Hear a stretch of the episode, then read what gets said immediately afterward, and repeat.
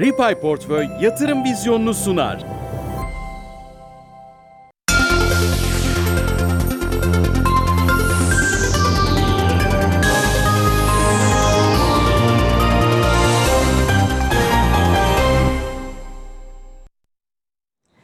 Yatırım Vizyonu'ndan herkese merhaba efendim. Bu programda hem alternatif yatırım araçlarını konuşuyoruz hem de girişim sermayesi yatırım fonlarını. Bu fonlar nerelere yatırım yapıyor, gündem ne, neler yapılıyor, yeni girişimleri konuşuyoruz. Bugün de özellikle Goltek kurucu ortağı ve Goltek'i konuşacağız. Goltek kurucu ortağı ve CEO'su Dolunay Sabuncuoğlu bizlerle. Hoş geldiniz yayına. Hoş bulduk. Çok teşekkür ediyorum. Şimdi tabii ilk defa belki karşılaşanlar için de Goltek'i tanıtmak gerekiyor. Tam olarak nedir? Ee, ne yapar Goltek? Tabii öncelikle biliyorsunuz 6 Şubat bugün e, Türkiye'yi derinden etkileyen bir deprem yaşadık. Bu vesileyle de depremde hayatını kaybeden vatandaşlarımız için Allah'tan rahmet, yakınlarına başsağlığıyla giriş Başlayalım. yapalım. Kesinlikle öyle. Ben tabii bir önceki programda da e, konuşunca atladım tabii ama çok teşekkür ediyorum hatırlattığınız için tekrardan. E, peki Goltek neler yapıyor? Tabii kısaca özetlemek gerekirse Goldtech bir dijital varlık geliştiricisi platformudur.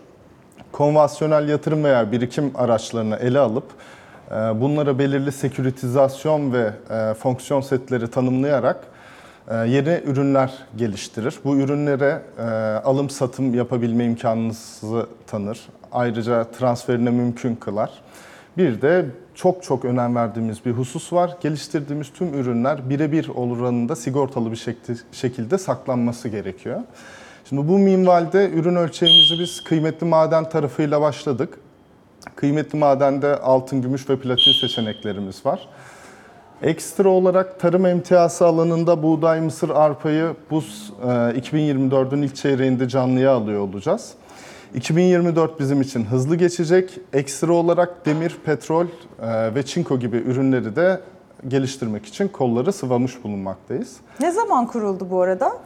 E, Gold'daki biz 2019 yılında ben ve kurucu ortaklarımız Emre ve Mümtaz'la birlikte Bilkent sıralarında kurduk. Tabii e, daha sonrasında Kuveyt Türk Katılım Bankası'nın Lonca Girişimcilik Merkezi programına katıldık. Orada ürünümüzü şey fikrimizi ürünleştirdik. Daha sonra partnerlerimizle birlikte nihai halini aldı.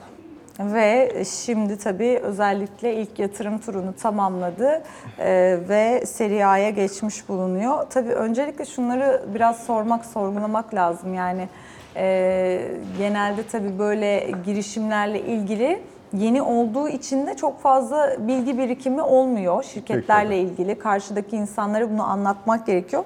O yüzden tabii bu örneğin altın için konuşalım ilk etapta tabii çünkü diğer enstrümanlar 2024'te katılacak dediniz. Altınlar mesela fiziki olarak bir yerde saklanıyor mu? Bunların karşılığı var mı?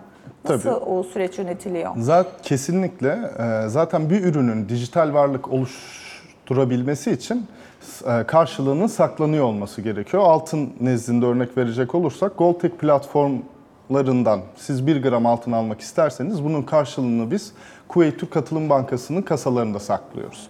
Aynı şey tarım emtiaları için de geçerli. Atıyorum Goldtech platformu üzerinden sizin aldığınız her 1 kilogram buğdayın karşılığı Ticaret Bakanlığı'nın regüle ettiği lisanslı depolarda saklanıyor.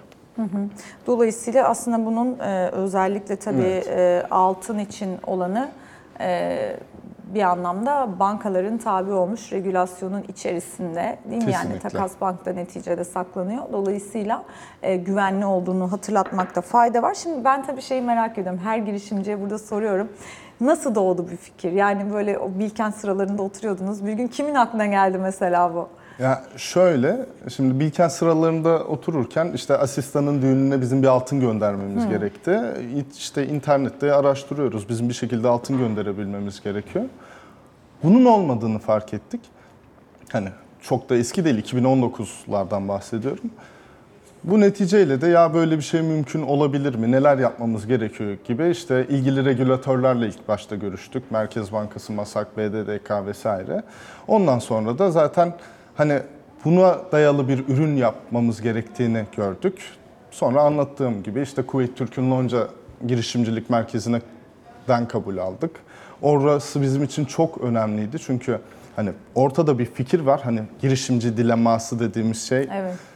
Fikir var ama ürün yok. İşte o ürün noktasındaki e, geliştirdiğimiz ürünü biz Kuveyt Türk'ün Lonca Girişimcilik Merkezi ile tamamladık. Daha sonra partnerlerimizle birlikte de hani kullanıcı ihtiyacına göre bu ürünlerimizi şekillendirdik. İlk etapta sadece alınıp satılabiliyordu.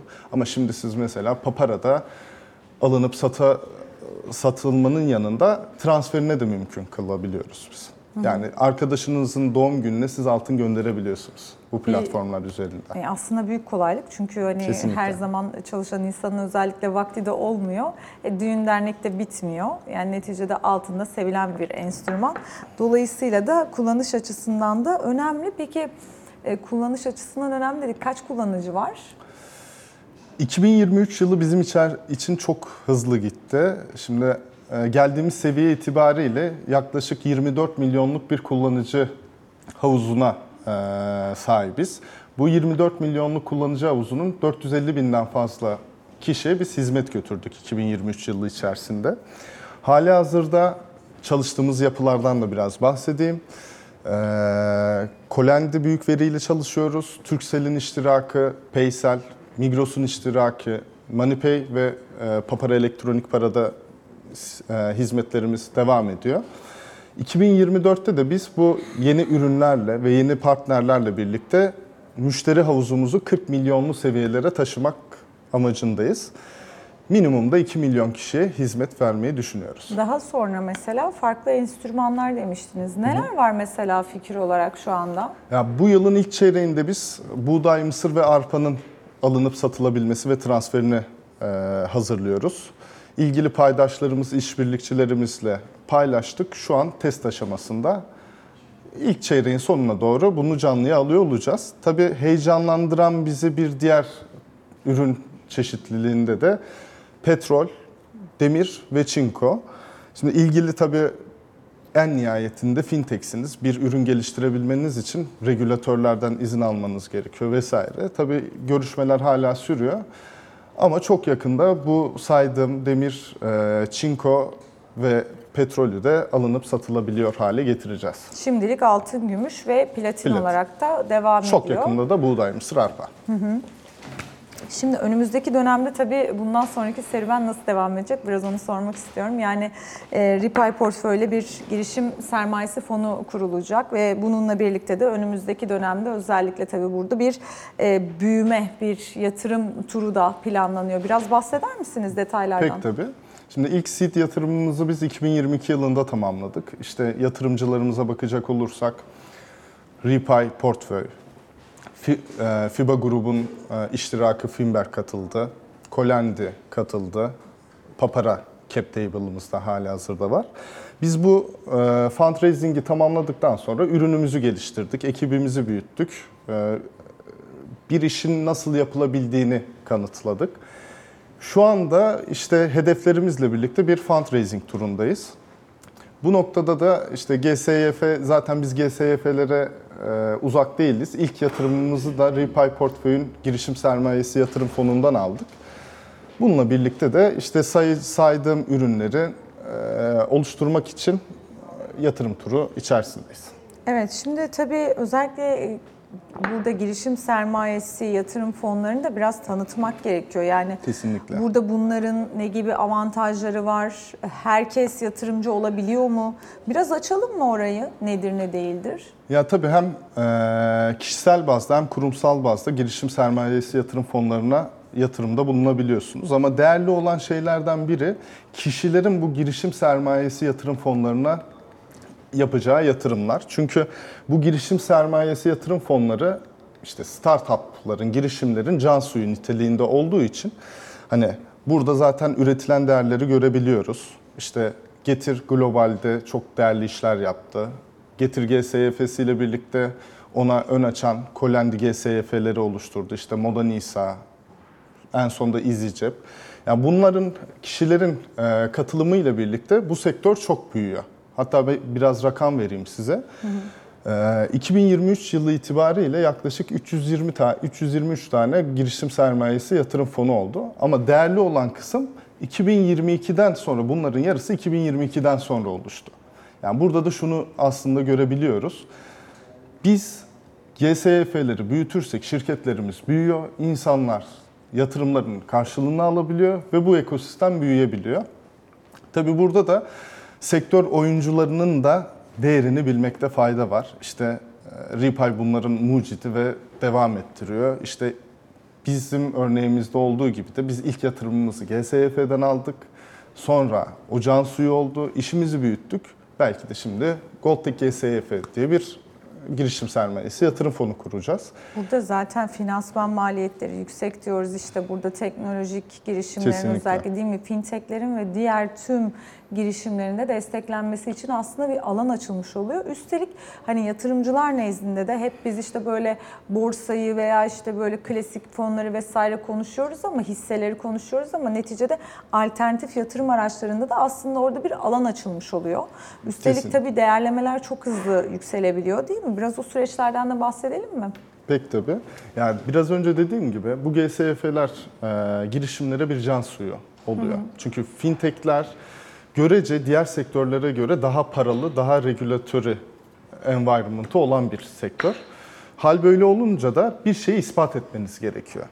Şimdi GSYF nezdinde bakarsak da tamam cap table'ınızda Repay portföy olabilir. Ancak hani oradaki asıl asetlerden biri de Repay'in temsil, Repay portföyün temsil ettiği arkadaki yüzlerce olan yatırımcı. Şimdi bu girişim nezdinde de çok ciddi bir sinerjistik ilişki yaratıyor bizde. Biz bu fondan para alınca Goldtech olarak hani arkamızda yüzlerce yatırımcının olduğunu bilmenin e, sorumluluğu ve keyfi içerisinde oluyoruz. Ee, doğal olarak network ağınız da genişliyor. Hani bir kişiden almaktansa yüzlerce kişiden almak bir e, girişim için çok yararlı oluyor. Çok daha önemli ve Evet. tabii orada e, fonlara girişin de değil mi hani limiti aslında çok yüksek değil yani birebir de belki yatırımcı Tabii olarak ki. gelmek daha hani e, bireyleri zorlayabiliyor ama orada da aslında e, yatırımcı için bir bireyin e, bugün işte ben bu çok güzel bir fikir. İşte şirketi çok beğendim ama nasıl yatırım yapabilirim acaba bu şirkete diye sorduğunda aslında bir alan açmış oluyor. Ee, peki yeterince tanınıyor mu sizce? Yani biz tabii bu programlarda anlatmaya çalışıyoruz bir yandan işte girişim sermayesi yatırım fonlarını ama yeterince biliniyor mu sizce? Ya zaten kuruluş itibariyle ilk GSYF Türkiye'de 2014 yılında kuruldu. İşte yönetmelikleri vesaire çıktı ama tanınması açıkça Getir GSYF ile oldu diyebilirim. Çünkü Getir'in yaptığı globaldeki o muazzam işlerden ötürü işte insanlara hani küçük yatırımcı da olsanız Getir'de küçük bir payınızın olabileceği ispatı geldi. E, Çok muazzam geri returnler oldu bu konuda da. Şimdi biliyorsunuz zaten bu şeyler kulaktan kulağa yayılıyor. Daha sonra işte Getir'in yaptığı muazzam işten sonra Moda Nisa aynı şekilde GSYF'si kuruldu. Onlar da bayağı başarılı ilerliyor. İşte dünyanın en hızlı büyüyen fintechlerinden Colendi'nin GSYF'si muazzam bir hal oldu. Türkiye'nin yeni starlarından EasyJet'in GSYF'si bayağı bir noktalara gitti. Ya burada aslında ee, kanun itibariyle de bir destek var. Çünkü teknokent firmalarında ARGE çalışması yapan firmalara belirli karının belirli kısmını bu GSYF'lere aktarması gerekiyor. Yanlış hatırlamıyorsam 2022'de bu oran %2 idi.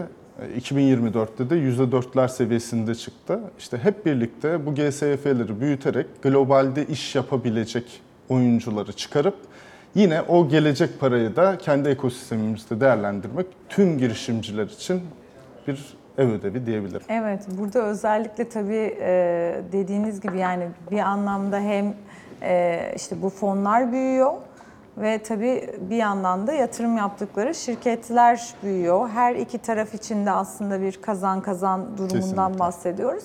Türkiye için de şu anlamda önemli. Şimdi tabii çok fazla işte diyoruz yani doğrudan yatırımcıyı buraya teşvik etmeye çalışıyoruz ve teknoloji şirketleri özellikle hani yurt dışına açılmalı. Bizden neden büyük yine değil mi unicornlar, dekakornlar çıkmasın? Bu anlamda da oldukça aslında önemli.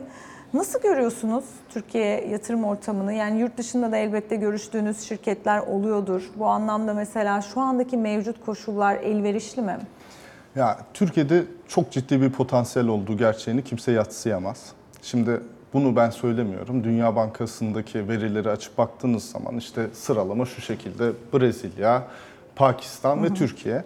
Şimdi dışarıda özellikle fintech e, özelinde Brezilya'dan, e, Güney Afrika'dan çıkan çok ciddi fintechler var. İşte bunlardan biri Nubank. Yaklaşık 80 trilyon dolar, 80 milyar dolarlık bir değerlemeyle IPO'sunu yaptı. Hani Türkiye'de de aslında evet o da bu arada herhalde en büyüklerden evet biriydi değil mi? Evet, neobanking alanında dünyanın en büyüklerinden de. Şimdi Türkiye'de de evet çok ciddi bir potansiyelimiz var. Yalnız bu potansiyelin bir şekilde kinetiğe dönüştürülebilmesi gerekiyor. Potansiyelimizi çok ciddi bir şekilde kullanabiliyor olmamız gerekiyor. Şimdi kendi sektörümüz özelinde Colendi İngiliz şirketi Settle'ı satın alabiliyor. Çok ciddi değerlemeyle. Öbür tarafta Papara gibi elektronik para artık Türkiye dominansını tamamladıktan sonra gidip İspanya'nın en büyük fintechlerden, fintech şirketlerinden birini satın alabiliyor. Hani çok iyi bir girişimci ekosistemindeyiz. Sadece işte Trendyol gitti, e, globalde çok ciddi işler yapıyor, Getir çok ciddi işler yapıyor. Onların da üst kimliğiyle birlikte Türk girişim ekosistemine olan bakış açısı değişiyor. Tabii arkalarından gelen Colendi, Papara vesaire de bunu bizim için kolaylaştırıyor diyebilirim. Hani biz Çok iyi markalar çıktı gerçekten. kesinlikle öyle. Evet, önümüzdeki dönemde de hakikaten e, burada ciddi bir hikaye yazılabilir. E, işte ekosisteminde bu anlamda hani Ripay portföy gibi girişim sermayesi fonlarının e, özellikle bir miktar daha böyle yatırımcı nezdinde de işte e, anlatılması ya da onların yine oradaki hani e, yatırım ekosistemine angaja olması çok önemli. Şimdi e, bir de tabii özellikle sizin gibi işte teknoloji üreticileri için belli başlı yine farklı noktalarda oluyor. Mesela e, siz tabii bir kuluçka merkezinden çıktınız değil mi? Evet, O Hacettepe süreci de anlatalım mı? Ya doğal olarak bir e, startup kurulduğu zaman pek bir parası olmuyor. Evet. Direkt e, yöneleceği yer kuluçka merkezleri vesaire oluyor. Çok da fazlaca arttı sayıları bu arada. 2019'dan 2023'e kadar şimdi olayın farkındalığı da artıyor. Biraz önceki saydığımız e, nedenlerden ötürü çünkü evet iki yıl önce gördüğünüz, beraber kahve içtiğiniz firmanın, startup'ın sahibi 250 milyon dolarlık bir exit yapabiliyor. Onun için gerek kanun koyucular, gerek yatırımcılar da bunun ciddi bir şekilde farkına vardıktan sonra ciddi sayıda kuluçka merkezleri vesaire açıldı. Bu da ekosistem için çok önemli. Ama orada küçük bir e, geliştirme yapmalarında fayda var. Hani yerin yanında maddi olarak da hizmet e, destek verilmesi çok önemli. Çünkü bunlar can suyu. Ee, özellikle fintech ve pahalı teknolojiler kullanılıyor bu noktada. İşte sadece server tarafındaki maliyetler inanılmaz derecede artmış Yani vaziyette. hepsi dövize endeksli. Dövize Zaten endeksli. yazılımcılar da hani fiyatlama anlamında Tabii. uzaktan çalışma vesaire değil mi? Maliyetler aşırı arttı. Fidan daha büyümeden soluyor Evet. böylece. Hani biraz daha maddi desteklerin kur oranında arttırılması gerekiyor. Hem destek tarafının tabii artırılması hem de belki e, hani yazılımcı mesela bulma zorluğu vesaire bunlar konuşuluyordu. Bu tip şeyler sizi nasıl etkiliyor? Yazılımcı bulma konusunda işte yazılım üreten insanları bulma noktasında bence herhangi bir problemimiz artık kalmadı. Türkiye'de çok ciddi bir potansiyel var bu konuda. Hatta Türkiye'deki işlerin dışında dışarıya da iş yapabilme imkanı doğdu bazı startuplarla birlikte. Yani potansiyelimiz bence gayet bizim için yeterli. Buradaki hani şöyle örnek vermek gerekiyor. Uçak piste yanaştı. Hani roket ilgili akaryakıtı koyunca uçacak. Biz o seviyedeyiz şu an. Gerek regülasyon, gerek yatırım konularıyla birlikte harmanlarsak bu uçak neden uçmasın? Evet. Şimdi Ripay portföyle girişim sermayesi yatırım fonu.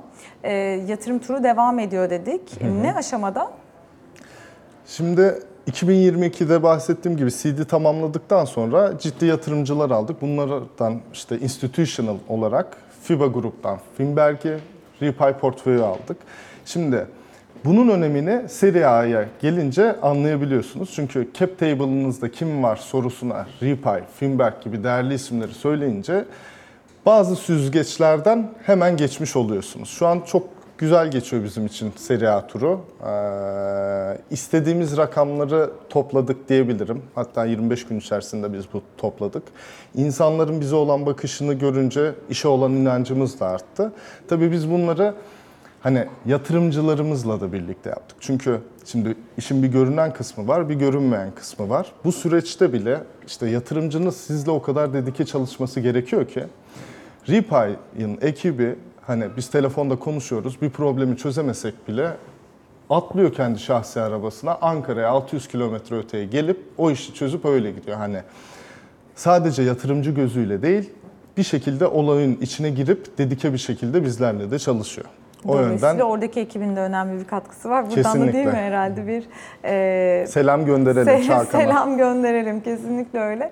Çünkü biraz hani şey işin maddi boyutunu elbette konuşuyoruz ama manevi boyutu da çok önemli. Kesinlikle çünkü hani öyle. moral motivasyon burada kimi zaman girişimcilerin çünkü ben zaman zaman çok konuşuyorum hani hep bana şunu söylüyorlar işte bizim burada özellikle işte bir girişimci ruhuyla yola çıktığımızda inanılmaz yüksek bir motivasyonunuz olması gerekiyor. Çünkü size yapamazsın diyecekler, ne alaka diyecekler, bu fikir tutmaz diyecekler. Orada motivasyonu sürekli böyle yüksek tutarak e, işte engelleri tek tek aşmak noktası değil mi? Çok Geçen önemli. hafta geçen hafta kurucu Emre ile birlikte şeylere baktık. Maillerimizdeki kaç kişiden biz red yedik diye. Zaten bir yatırım turu için yüzlü seviyelerde görüşme yapıp üçlü dörtlü seviyelerde okey almanız gerekiyor. Yani biz e, yatırım ararken 120'nin üstünde kişilere gitmişiz ve bunun dördü okeylemiş. Hani o da zaten bir diş, e, girişimcinin en önemli sınavlarından biri.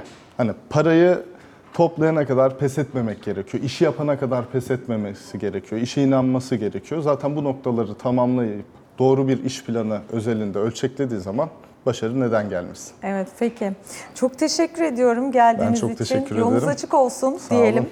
Goldtech kurucu ortağı ve CEO'su Dolunay Sabuncuoğlu'nu ağırladık efendim bu bölümde. Yatırım vizyonunda e, sizlere alternatif yatırım araçlarını tanıtmaya devam edeceğiz ve elbette yeni girişimleri de burada e, konuşacağız diyelim ve noktalayalım. Hoşçakalın.